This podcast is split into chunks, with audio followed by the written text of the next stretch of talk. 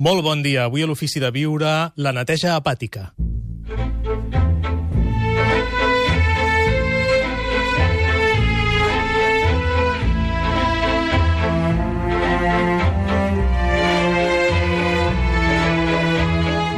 Gaspar Hernández, l'Ofici de Viure.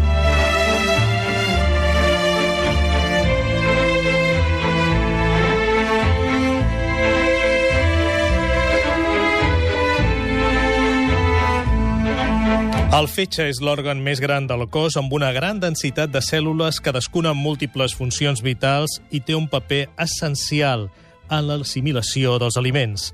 El fetge elabora els constituents essencials de la sang del sistema immunitari i del sistema metabòlic. Cadascuna de les cèl·lules del fetge és, a més, un atrafegat laboratori que identifica substàncies químiques que no convenen al cos. Inactiva, per tant, i neutralitza els verins i recicla els tòxics. Purifica la sang dels residus del metabolisme celular, alterant l'estructura química que les, de les substàncies nocives per tornar-les inofensives, produeix la bilis, que ajuda a la digestió dels greixos, al mateix temps que excreta cap als budells el que no convé. El cos humà no desaprofita res, de manera que el fetge, en desfer-se de tot el que és inútil i tòxic, acompleix la seva darrera i fonamental funció, la de servir per emulsionar i reduir a fines gotes els greixos, per tal de fer-los assimilables.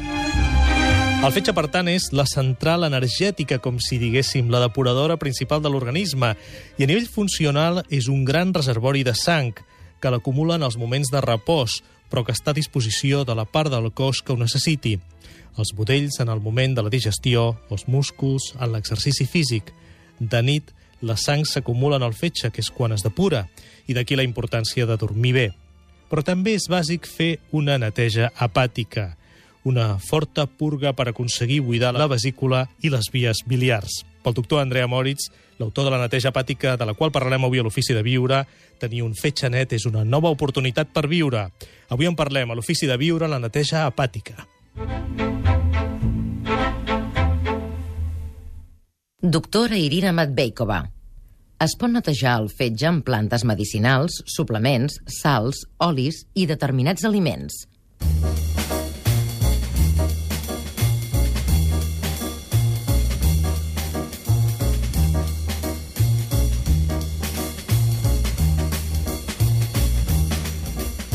Soy doctora Irina Matvikova y en nuestra clínica trabajamos con combinación de dos medicinas, medicina convencional y medicinas complementarias y frecuentemente aplicamos el método de limpieza hepática o de drenaje hepático en los tratamientos de patología uh, de pacientes. El concepto de limpieza hepática de ninguna manera supone un tratamiento agresivo, peligroso. El concepto nuestro de drenar el hígado es crear un protocolo de estimular flujo biliar y desintoxicar suavemente este órgano tan importante. Normalmente el hígado produce cada día más de un litro de bilis, de este líquido espeso que contiene sales de bilis, mucho colesterol y también toxinas que el, hígado capta y desactiva y acumula para después eliminar del cuerpo. Es un filtro más importante de nuestro cuerpo. A veces por muchos problemas, diferentes problemas de salud, por tema de estrés, por temas hereditarios, por alimentación desequilibrada, consumo de diferentes fármacos, el hígado no puede llevar papel de expulsar y eliminar bilis con una velocidad suficiente y con una cantidad necesaria para mantener cuerpo limpio. Estimular este flujo de bilis, esto que en medicina holística se llama limpieza hepática. Se hace a través de uso de sales de magnesio, porque magnesio estimula trabajo muscular de músculos lisos de este órgano a través de eh, plantas medicinales que tienen efecto colerético, que ayudan al hígado a producir bilis más líquida y que fluye mejor y que se expulsa mejor y a través de famoso aceite de oliva, que es un estimulador más importante para nuestra vesícula. Este proceso normalmente es beneficioso porque mucha gente después notifican mejoría en nivel energético, cognitivo, mejoría de la digestión, de la piel, y del ánimo. El hígado es, en medicina tradicional china, es un órgano que maneja nuestro bienestar también emocional.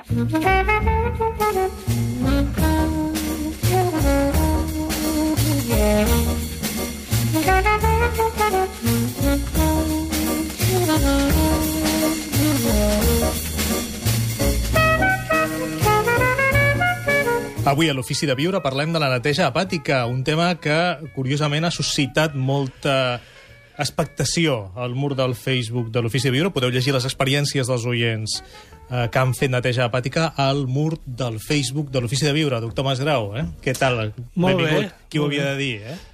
Que, que hi havia tanta expectació voltant de la neteja hepàtica. Sí, es veu, està com una mica de moda, no? Sembla. No ho sé, això ens ho dirà la Marta Vergés. Què tal, Marta? Ben retrobada. Benvinguda. Gràcies. Marta Vergés, Hola, assistent gràcies. nutricional, xef de cuina natural, col·labora amb la Carla Zaplana, ajudant les persones que volen millorar la seva salut i el seu estil de vida, i està fent en aquests moments una neteja hepàtica. Sí, sí, sí. I què tal, com va?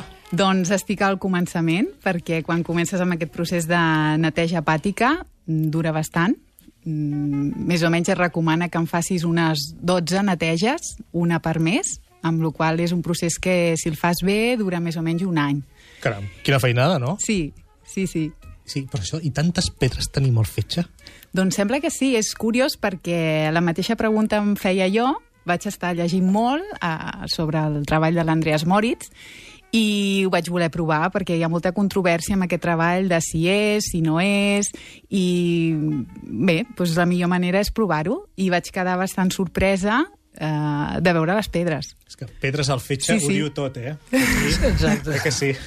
Tenim massa Fins, pedres sí, al sí, fetge. fins que no ho veus no ho creus. Aquí la pregunta al milió. Alguns oients ens ho pregunten al Facebook, eh? si estem parlant realment de pedres. Bueno, és que hi ha les pedres reals i després les, les metafòriques, Les emocionals. no? Sí, i les dues s'han de treure. I potser són més importants les metafòriques que les altres. Les emocionals. Sí. La Eva María diu, lo que el destino justo es lo que necesito, lo que estoy buscando información estos días. Eh? Diu, escucharé el programa, espero con ganes el programa. La Reme Vila ens diu que fa dos vegades l'any la neteja hepàtica, perquè estic operada de la vesícula des dels 27 anys i puc dir que per mi és molt efectiu. La Maribel n'ha fet una fa un mes i per mi ha estat tot un descobriment i no només pels beneficis físics, sinó també pels canvis emocionals que ha experimentat. La Mari Carme diu la primera vegada va ser espectacular, el cos i el meu estat estava ple d'energia, després l'he fet dos cops més i pregunta, si faig alimentació macrobiòtica, cal continuar fent neteja hepàtica, Marta? mentre vagin sortint pedres, és que hi ha pedres. Uh, sí, és veritat que si es porta una dieta acurada, mm, doncs el fetge el, el tenim millor, el, el cuidem, estem cuidant del nostre fetge. Um, jo eh, li recomanaria que la, que la seguís fent, que la seguís fent, a lo millor més, pa, més pausades, o sigui, no cada mes, però que, la- que les vagi fent. Bé, doncs eh, anem a, anem a pams. Doctor Masdrau, parlem del fetge. Clar, per començar, el fetge és molt resistent, no? És difícil que emmalalteixi.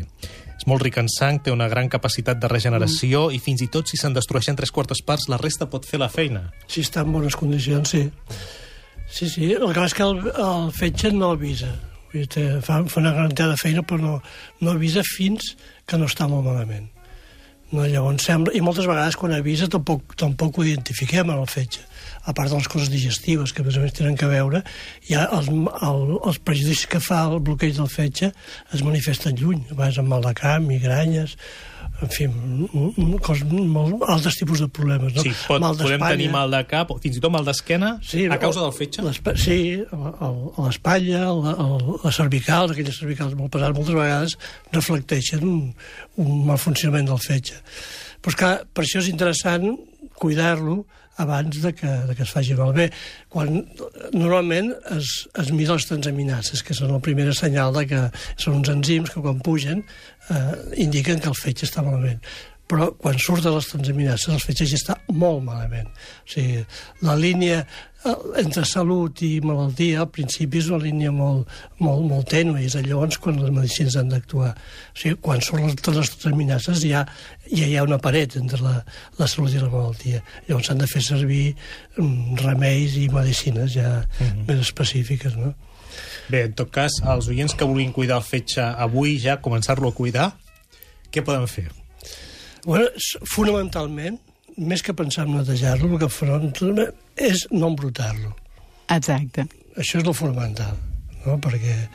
Eh, I llavors només el sol fet, com que té, té aquesta capacitat de regeneració, el fetge, només el fet que tu el cuidis, que no el facis malbé, es diu que quan tu vas de festa el, el fetge es posa a treballar, el fetge, saps, és una mica, doncs, llavors cuidar, cuidar de, que, de, de no donar-li massa feina, que avui dia el problema que té el fetge és que està molt sobrecarregat de feina és que té, té moltes funcions i avui dia li donem eh, amb fotos amb el menjar, amb el beure, les drogues, els, els pesticides, hi ha tantes, tantes, tants aspectes de les emocions, perquè el fetge també metabolitza les emocions, no?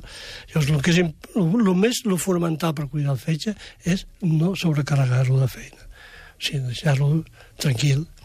D'acord. I com podem no sobrecarregar-lo de feina, Marta? De, ara entrarem a fons eh, la neteja hepàtica, Sí. però sense anar de moment a la neteja hepàtica per tal de, de també amb els aliments, per cuidar els aliments. Sí, perquè, com diu el doctor, abans de posar-nos en una neteja, eh, és important fer altres coses. La neteja, diguem-ne, que és una conseqüència no? de, de començar per altres coses. Si nosaltres estem portant un estil de vida que no és, no és adequat i que està sobrecarregant el, el nostre organisme en general, el nostre fetge, les nostres digestions, de res serveix fer una neteja hepàtica si abans no canviem eh, aquests causants.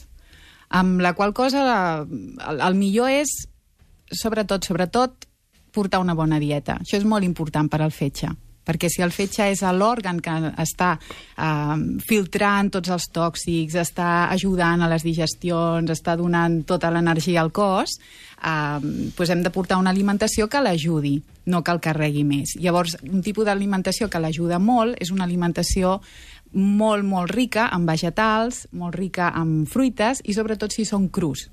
Si són crus, mm, ajuda moltíssim més al fetge.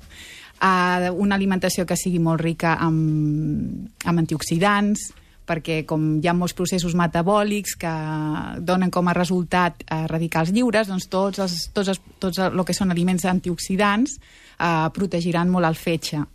Uh, també mm, li ajuda molt al fetge que el deixem descansar, que tinguem uns bons descansos a la nit, perquè el fetge a la, a la nit és quan filtra tota la sang. I si nosaltres tenim un bon descans, doncs això el fetge també ho notarà.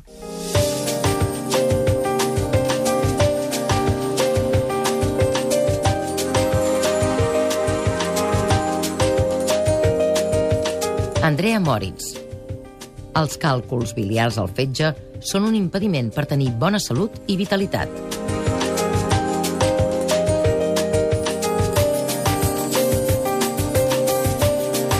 Andreas Moritz, en el seu llibre clàssic Limpieza hepàtica, diu prendre sovint aigua ionitzada i minerals essencials ionitzats, mantenir un horari regular de menjars, una dieta vegetariana, evitar els productes light, consumir sal marina sense refinar, evitar sobretreballar, dormir prou, fer exercici regularment, prendre herbes pels fetges. Més o menys queda clar quins aliments poden ser aliats del nostre fetge. Beure aigua pot afavorir el nostre fetge? Sí, no?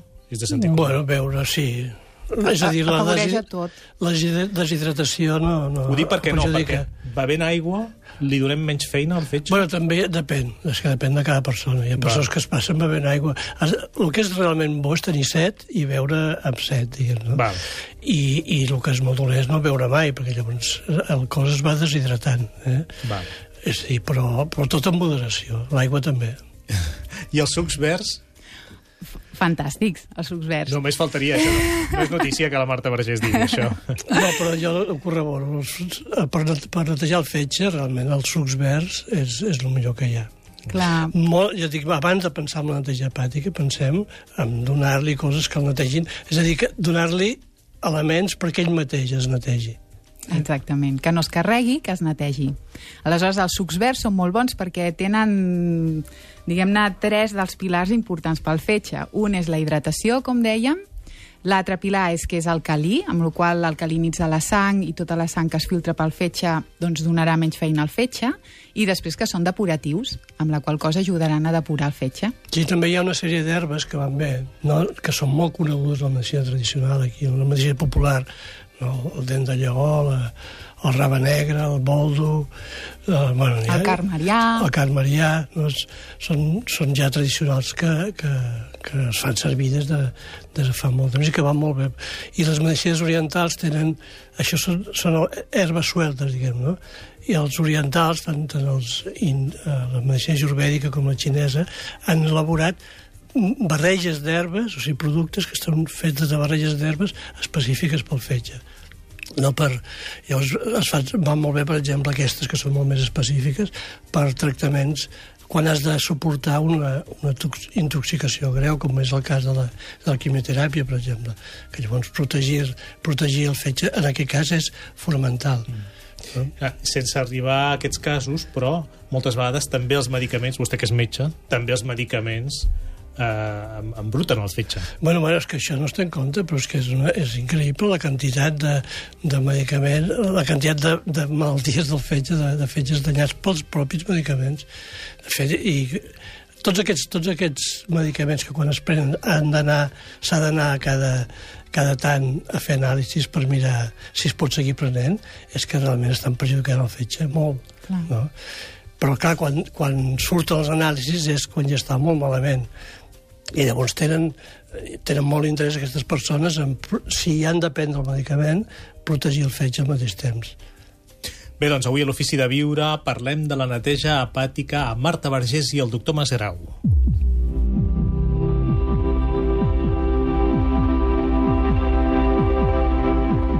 Miquel Masgrau. Les cèl·lules hepàtiques produeixen més de 1.000 enzims i controlen les hormones, que regulen tot l'organisme.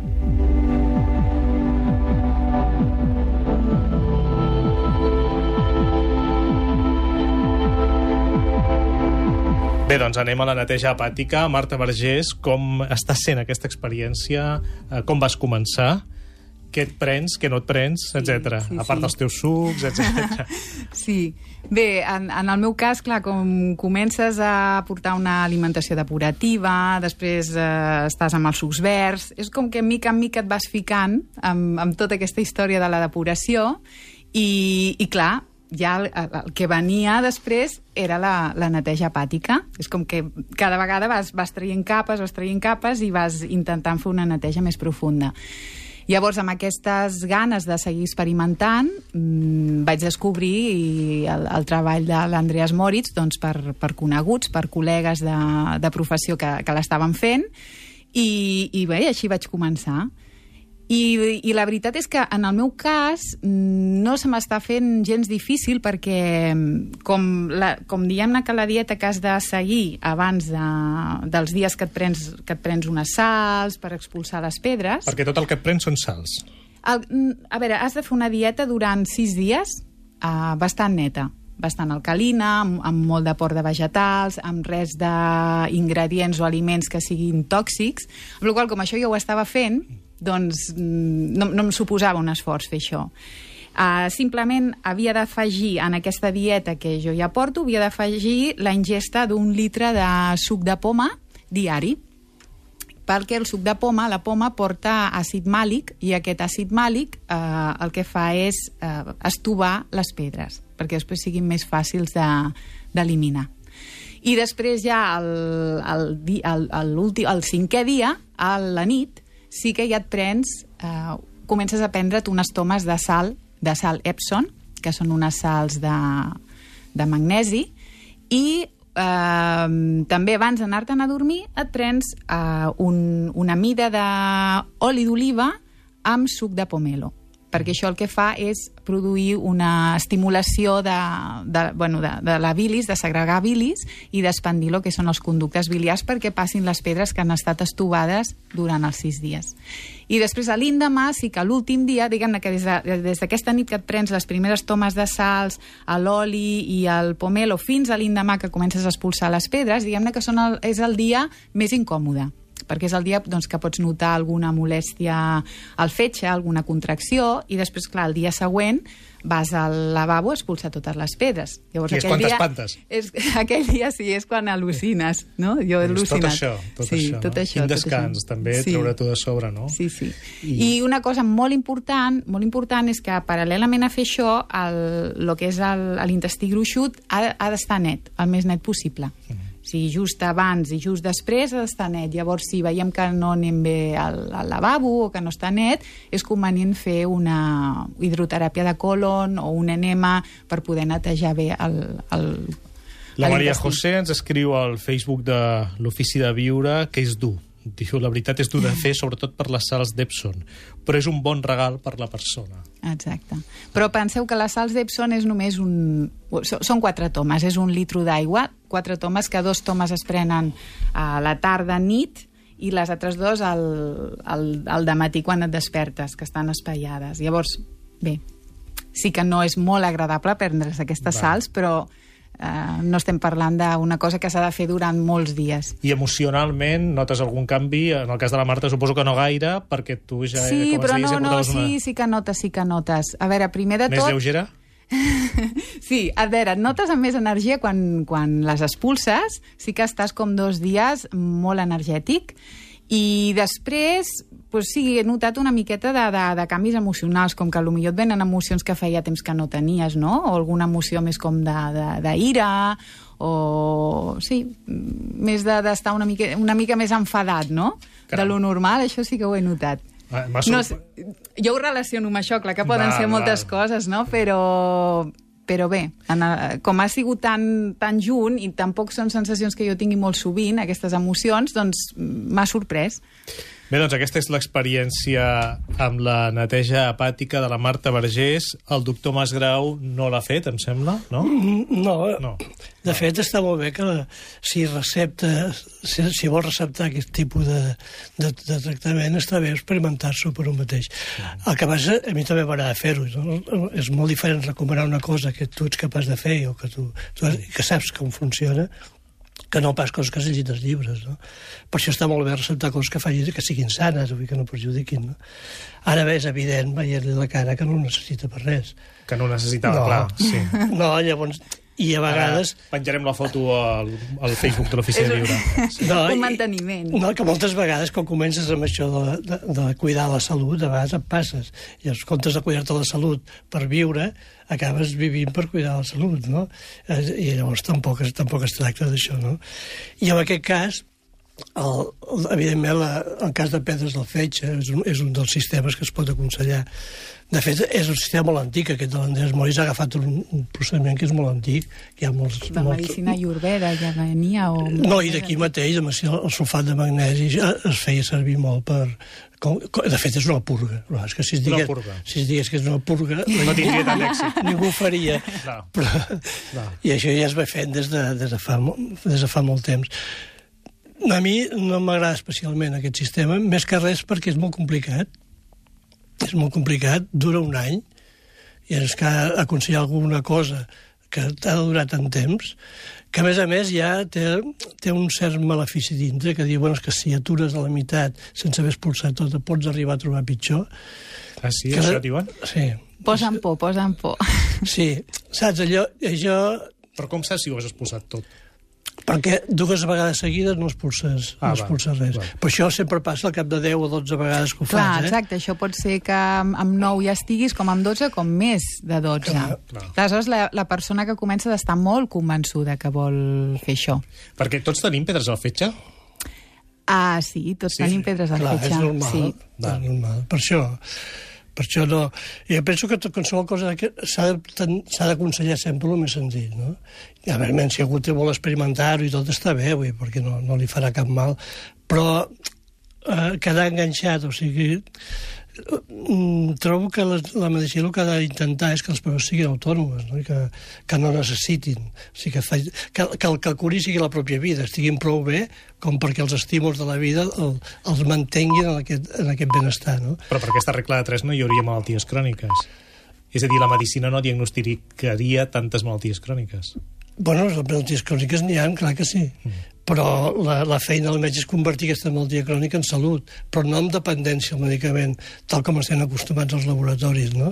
Tot el rato està inventant-se malalties cròniques i, i, i això s'ha comunat també les medicines alternatives, no? De fomentar estats de subsalut.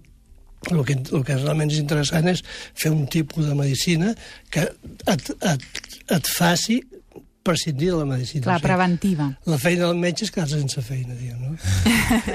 Llavors, des de la ignorància, totes aquestes pedres al fetge que tenim, i van sent allà, es van acumulant i no, no es van desfent, elles soletes?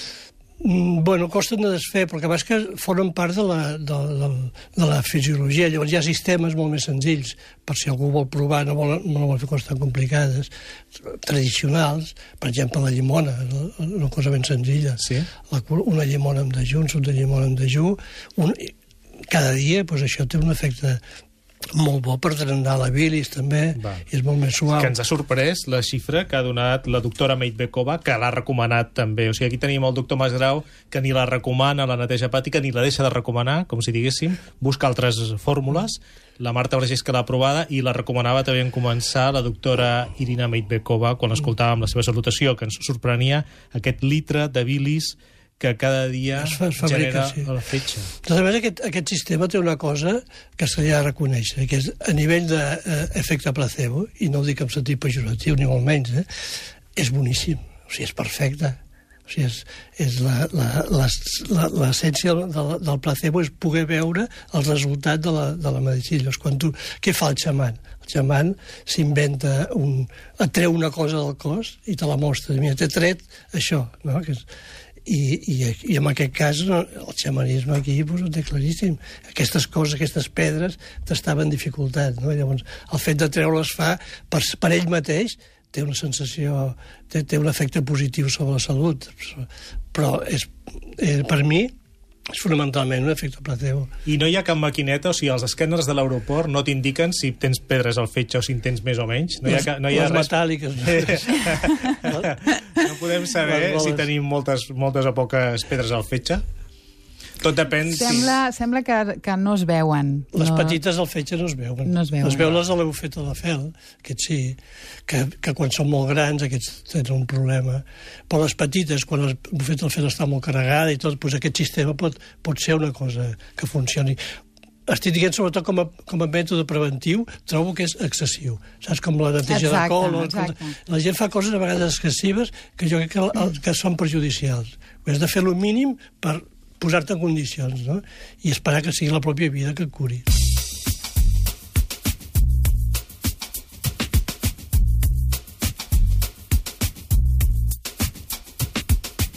Carolina Vandellós, les qualitats innates del fetge són la bondat i l'amabilitat. La persona amb el fetge en equilibri viurà amb iniciativa i creativitat.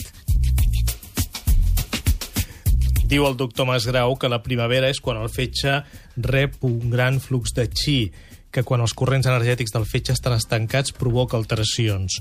A la medicina tradicional xinesa, la primavera està associada amb l'element fusta, l'element de la vegetació, el color verd, els canvis de temps sobtats, les emocions i també el fetge. Bé, per tant, el fetge també té relació amb la primavera i amb la resta d'estacions suposo que també, no? Sí, normalment la primavera és, és quan tot brota i llavors el fetge repercuteix molt en el, en el, en el funcionament del cos. El, o sigui, la primavera seria un bon moment per depurar el fetge. És un bon moment per depurar el fetge, sí, perquè és, de fet és el començament d'un cicle. No? Llavors, com més net... I de fet totes aquestes al·lèrgies no són altra cosa que una mostra de que, de que l'organisme no, està, no està net, diguem, saps? S'està reajustant. I quan comença a brotar, llavors és quan, quan troba dificultats, no? De, llavors hi surten símptomes, símptomes diversos, no? Diu el doctor Masgrau, precisament en aquest temps de crisi, quan a més el fetge està saturat per una gran quantitat de substàncies tòxiques i estranyes que ha de depurar, és quan necessitem tenir el fetge en millors condicions per encarar els reptes de les situacions difícils. Són moments en què es desperten les emocions més perjudicials pel fetge, com la frustració, el temor de pèrdua de poder econòmic, posició social, indignació davant les injustícies, la llau de notícies difícils de pair, etc. Això és important, perquè aquí la visió és la de la medicina xinesa. Però a casa nostra encara continuem sense relacionar, per exemple, que algú tingui eh, greus problemes econòmics en què després generi una malaltia al fetge. No? Sí, sí. Això vostè s'hi correlaciona, probablement. Bueno, és que, clar, avui dia tots són virus o són, o són els gens, no? I, i normalment s'exculpa els factors ambientals i els factors emocionals, també, no? Per això les medicines alternatives, en general, són molt més eficaces amb aquest tipus de trastorns crònics, perquè el que van és, en comptes de combatre, de voler arreglar un gen, cosa que és impossible, o de, o de matar el virus amb substàncies tòxiques que encara perjudiquen més el fetge, a més a més, el que va és al revés, no intenta curar, sinó arreglar el terreny, o sigui, posar el terreny en les millors condicions perquè ell mateix s'arregli. I en aquest cas el, el fetge és molt, molt agraït. I les hepatitis, per exemple, es poden, es poden recuperar molt bé, elles, perquè el fetge només que li posis en bones condicions ja s'arregla. I per això hi ha herbes, hi ha l'alimentació, els tractaments d'ozó, l'acupuntura, hi ha moltes coses que, que poden fer que el fetge torni a funcionar bé sense necessitat d'atacar el mal, no? Però realment és, és, és, és això de la idea aquesta de que sempre és un factor causal, no? és, és, és molt nociva, perquè normalment sempre és un conjunt de circumstàncies el que estan afectant a, a la salut. No? A mirar-ho d'una forma més holística. Clar. Una manera de depurar també el fetge és deixant-lo descansar mitjançant el dejuni, del qual hi hem parlat eh, força en aquest programa, mm. que pot ser d'un o dos dies, o seguit d'un altre de fruites i amanides, o sopes espesses de verdures, cereals... Uh, què, què més li ve al cap ara a la Marta Vergés, també, a part dels sucs verds i de tot el que estem dient? Sí, doncs hi ha certs aliments que també l'ajuden molt en el fetge. Per exemple, aliments, com hem dit abans, aliments que, que siguin molt antioxidants, molt rics en betocarotens, com pot ser la pastanaga o pot ser la remolatxa. A més, la remolatxa té una propietat d'atrapar els metalls pesats, amb la qual doncs, també ajuda al fetge Uh, també aliments uh, que siguin una miqueta amargants. Això també ajuda al fetge a produir més, més quantitat de bilis. Saps? Fulles verdes, com, amargants com per exemple l'escarola o el dent, bueno, la dent de lleó. Tot això ajuda bastant. El que és curiós és l'Andrea Moritz eh, com, com publicitava, tot i que la seva intenció evidentment no era publicitar-ho, la neteja hepàtica, no? perquè deia que només podem esperar de la neteja hepàtica una vida lliure de malalties millorant la digestió, l'energia, la vitalitat, alliberar-nos del dolor, un cos més flexible, aturar el procés d'envelliment, bellesa interna i externa, una millora de la salut emocional, més claredat mental, una millora també en la creativitat. No es pot, no es pot estar sa si el fetge no està, no està sa. I hi ha persones com l'Andrés Moris que diu fins i tot el contrari, o sigui que amb el fetge sa és impossible estar malalt. No? I, bueno, potser sí, de fet, és, és, és central en l'organisme el, el fetge. Llavors, és així, sí. Ell suggereix netejar el fetge dues vegades l'any. I com ens deia sí. també la Marta, sobretot mantenir el colon net. Clar, però hi ha, un, hi ha una cosa que és molt, molt insòlita, que és que pot acabar bé pel fetge. Aquest el van descobrir les, unes infermeres als hospitals de campanya a la Primera Guerra Mundial, que no tenien res, hi havia molts ferits i molta, molta gent queixant-se de dolors, i l'únic que tenien era cafè, anava ben cafè tots els metges i infermeres, i a una se li va córrer fer un, un enema de cafè amb un malalt, i, i va millorar molt el dolor i, i des de bueno, allò es va, es va conèixer, es va estendre molt durant la Primera Guerra Mundial i se segueix fent, sobretot a Alemanya, a França. Els anem, és una cosa molt més senzilla de fer, que també descarrega el fetge, no, no, és, no és una purga, no és, no és pròpiament una purga, perquè, però actua sobre, el, sobre la bilis, fa treure bilis i des, descarrega el fetge i té, ja dic, té una repercussió bona a l'estat general i també pels dolors. És una cosa molt més senzilla que no t'esclavitza com, el, com la neteja hepàtica. Tot i que la Marta tampoc se sent esclavitzada. No, no, en el, en el meu cas, científic. sí, en el meu cas, exacte, en el meu cas és una experimentació. I també perquè estic molt ficada amb el tema de la depuració, no? ja sigui a base de sucs verds, aleshores, doncs, bueno, per conèixer més, amb més I, profunditat. I, I tens la sensació, Marta, que ens comentava abans el doctor Masgrau, de la gent que us cuideu tant que al final també correu el perill de viure sí, només... Sí, sí, estic, estic totalment d'acord. És a dir, mm, o sigui, s'ha de trobar sempre aquest equilibri, no? De per què fas les coses i trobar aquest equilibri també amb, la, amb, amb les teves circumstàncies personals, amb les teves circumstàncies socials, familiars i, i, i poder equilibrar-ho tot, perquè si no també corres el perill de, de ficar-te molt amb, amb aquest tema, no?, de depurar i quan, quan és prou per depurar-se. A veure, Sí. estem visquent en un món que no és perfecte. O de ser molt qual- rígids, també. Ah, exactament. Clar, o sigui, si ara ah, exactament. porto aquí, no sé, imaginem que amb l'Eduard Nas, que és el nostre tècnic de so, celebrem... Què podríem celebrar? La vida, no? La vida. I ara portem una ampolla de cava i resulta que tu, Marta, no en prens, no? Perquè, és clar, has de cuidar el fetge, no? Clar. I llavors també, clar, dius, bé, tot això que et perds també, no? Clar, clar. Però penso que això cada persona valora, no? Quina és la seva prioritat en cada moment i que, que el fa... l'important és que et faci feliç el que estiguis fent. És a dir, penso que, el, que el, la pregunta que t'has de fer és això. O sigui, ho, ho estic passant bé fent això? Estic disfrutant? M'està... Què, què em dona, no? Què, com em compensa? Si et dona i estàs feliç i estàs bé i pots fer la vida que has triat, perfecte.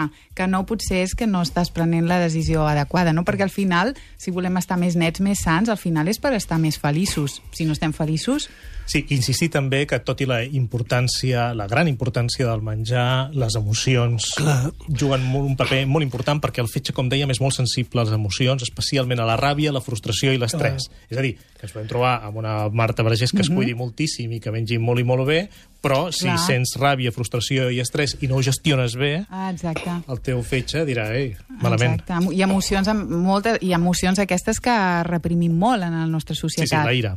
Sí, la Do, ràbia, I les la- dones, sobretot. Les dones, Clar. la, aquesta emoció de la ira i la ràbia la tenim com Però si no teniu ira, doncs...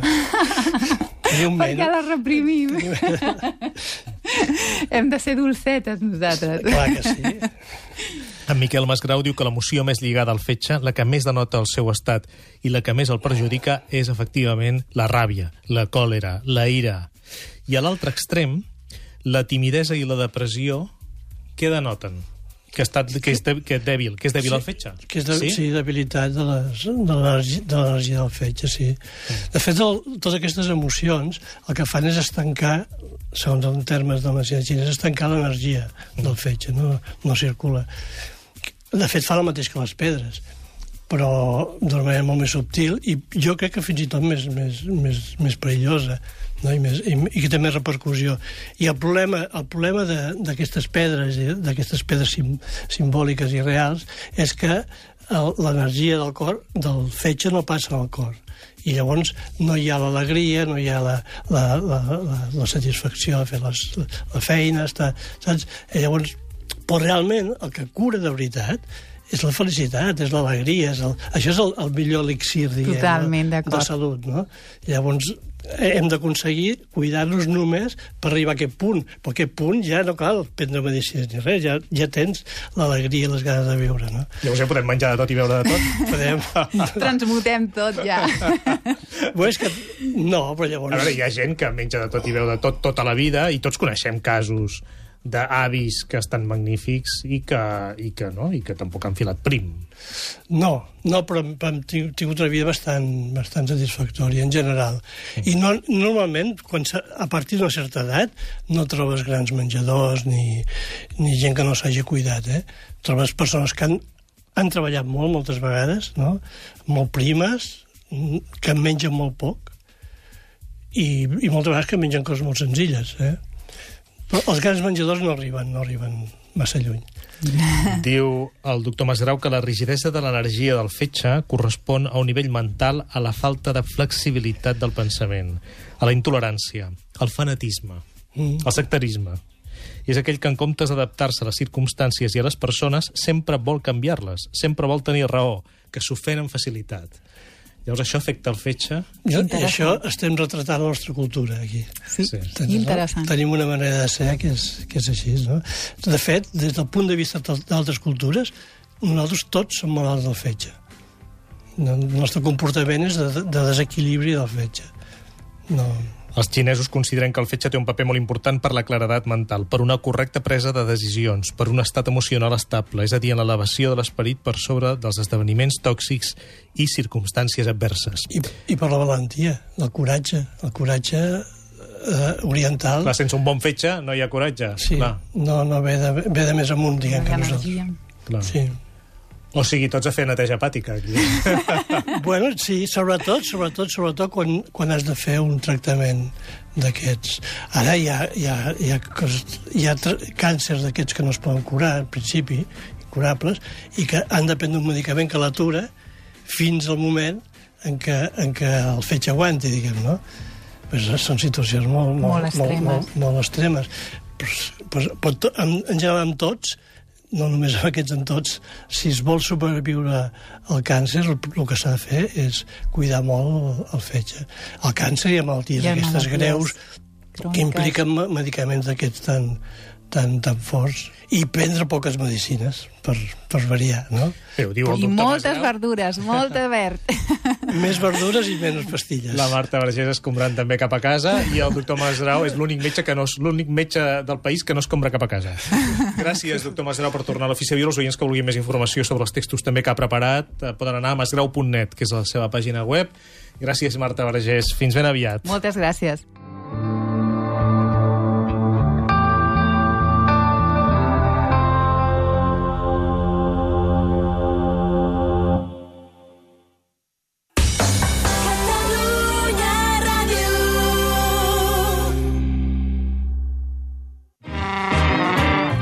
Relat en primera persona d'un dels locals més emblemàtics de Barcelona. El 50% de- del éxito del molino era el público. Aquesta energia que Efectivamente, enviava. venía a pasarlo bien, a divertirse, a ayudarnos. El Molino era el gran teatro del Liceo del Pueblo. El meu Molino. Avui, a tres quarts de deu de la nit, al 33. Entre nosaltres. Uneix-te a la primera jornada participativa sobre qualitat de vida i càncer de mama organitzada per l'Hospital de la Santa Creu i Sant Pau. Descobreix més de 50 activitats al teu abast. Consulta tota la informació a entrenosaltres.org. El 6 de juny tens una cita al recinte modernista de Sant Pau. Entrada gratuïta. L'estiu és blanc i blau. Apunta't ara al campus del Reial Club Deportiu Espanyol. Informa't a la nostra pàgina web www.rcdespanyol.com o al telèfon 93 462 2198. Serà un estiu inoblidable. El Vallès és terra de castells, amb una dotzena de colles vives, expertes i diverses. I també és la terra de Carme Forcadell i de Muriel Casals, que remen cap a la independència. Descobreixeu a Vallesos, premi a la millor revista catalana a la nit de les revistes 2014. L'estiu és blanc i blau. Apunta't ara al campus del Reial Club Deportiu Espanyol. Informa't a la nostra pàgina web www.rcdespanyol.com o al telèfon 93 462 2198. Serà un estiu inoblidable. Un relat en primera persona d'un dels locals més emblemàtics de Barcelona. El 50% de- del éxito del molino era el público. Aquesta energia que us Efectivamente, enviava. venía a pasarlo bien, a divertirse, a ayudarnos. El Molino era el gran teatro del Liceo del Pueblo. El meu Molino. Avui, a tres quarts de deu de la nit, al 33. Aquesta setmana, el periòdico afegeix una sorpresa a les entrades per al Canet Rock. Compra la teva a entrades.elperiódico.cat abans del 8 de juny i en el tiquet trobaràs un regal que t'encantarà. El Periódico, punt de venda exclusiu del Festival Canet Rock. Catalunya Ràdio. Aquest cap de setmana al Tot Gira volem el triplet. Dissabte, des de dos quarts de tres de la tarda, tot gira especial final de la Lliga de Campions des de la porta de Brandenburg de Berlín. Amb convidats de luxe, entrevistes de luxe i tots els detalls de la prèvia de la final entre el Barça i la Juventus. Si el Barça guanya el títol, festa fins ben entrada la matinada. I diumenge esperem que amb la rua i ressaca pel títol blaugrana arriba l'hora de la veritat pel Girona. A les 6 de la tarda, des de Montilivi, Girona-Lugo. Els gironins seran equip de primera si guanyen el partit. I tindrem un ull posat al Betis Sporting. Des de Gijón, final de la Copa d'Handbol. En tennis, final del torneig de Roland Garros. I des de Montreal, Gran Premi de Fórmula 1. Aquest cap de setmana, Bradburg, cervesa, la Champions i Girona. Aquest cap de setmana el Tot Gira et donarà més coses que ningú. Amb David Clopés, el currywurst de Catalunya Ràdio. El cap de setmana és nostre. Meteo Mauri amb rècords meteorològics de la mà de l'Alfred Rodríguez Picó. Superem amb els sentits. Abordarem la problemàtica de 10.000 persones a l'any corrent per la muntanya. El problema del llapó brom a les costes catalanes i ens escaparem de càmping per les comarques de Lleida. Meteo Mauri. Cada dijous a partir de les 7 del vespre a catradio.cat. Descarrega-te'l. Amb el patrocini de Ferrocarrils de la Generalitat de Catalunya i l'Agència Catalana de Turisme. Perdre't pel nord de Suècia pot ser una experiència estimulant. Trobes paisatges molt grandiosos, d'altiplans, amb rastres de neu a l'estiu... L'excursionisme aquí és en majúscules. En pocs altres llocs d'Europa trobes la possibilitat de caminar durant una setmana sense tocar cap lloc habitat. I les carreteres? Són carreteres d'aquestes d'anunci, no? El bosc, el cotxe... Un viatge per Suècia amb Xavier Rello, lingüista. Els viatgers de la Gran Anaconda, amb Toni Arbonès. La matinada de diumenge a dilluns a Catalunya Ràdio i tota la setmana a catradio.cat.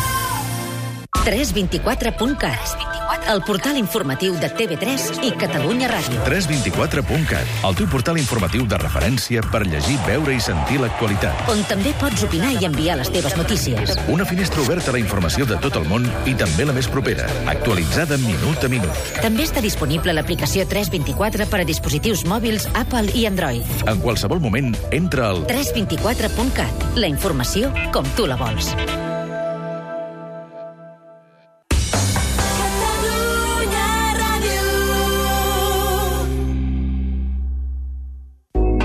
L'ofici de viure. Un programa sobre conducta humana. Sergi Torres. Voler agradar a tothom.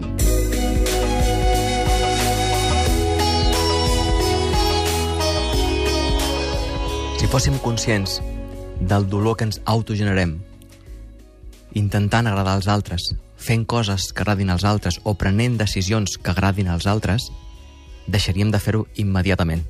És sorprenent com moltes de les decisions, inclús sense adonar-nos-en, estan dissenyades per impactar en l'altre, perquè senti una sèrie de sensacions emocionals que a mi m'acabin beneficiant. És a dir, que l'agradi. Per jo sentir-me bé, jo sentir-me reconegut, i aquest, aquest mecanisme no ens en donem compte que el fem perquè en realitat ens sentim buits. Hi ha una soledat interna que no està assolida, hi ha una soledat interna que no està abraçada, i aleshores ens fa por que l'altre no ens accepti o ens rebutgi. Per això necessitem, és quasi compulsiu, que a l'altre li agradem. Nosaltres el que fem li agradem a l'altre. Per tant, per on començaria en Sergi Torres? Per abraçar, com si diguéssim, el nen interior? Clar, el primer és veure que estic intentant agradar l'altre amb el que estic dient, el que estic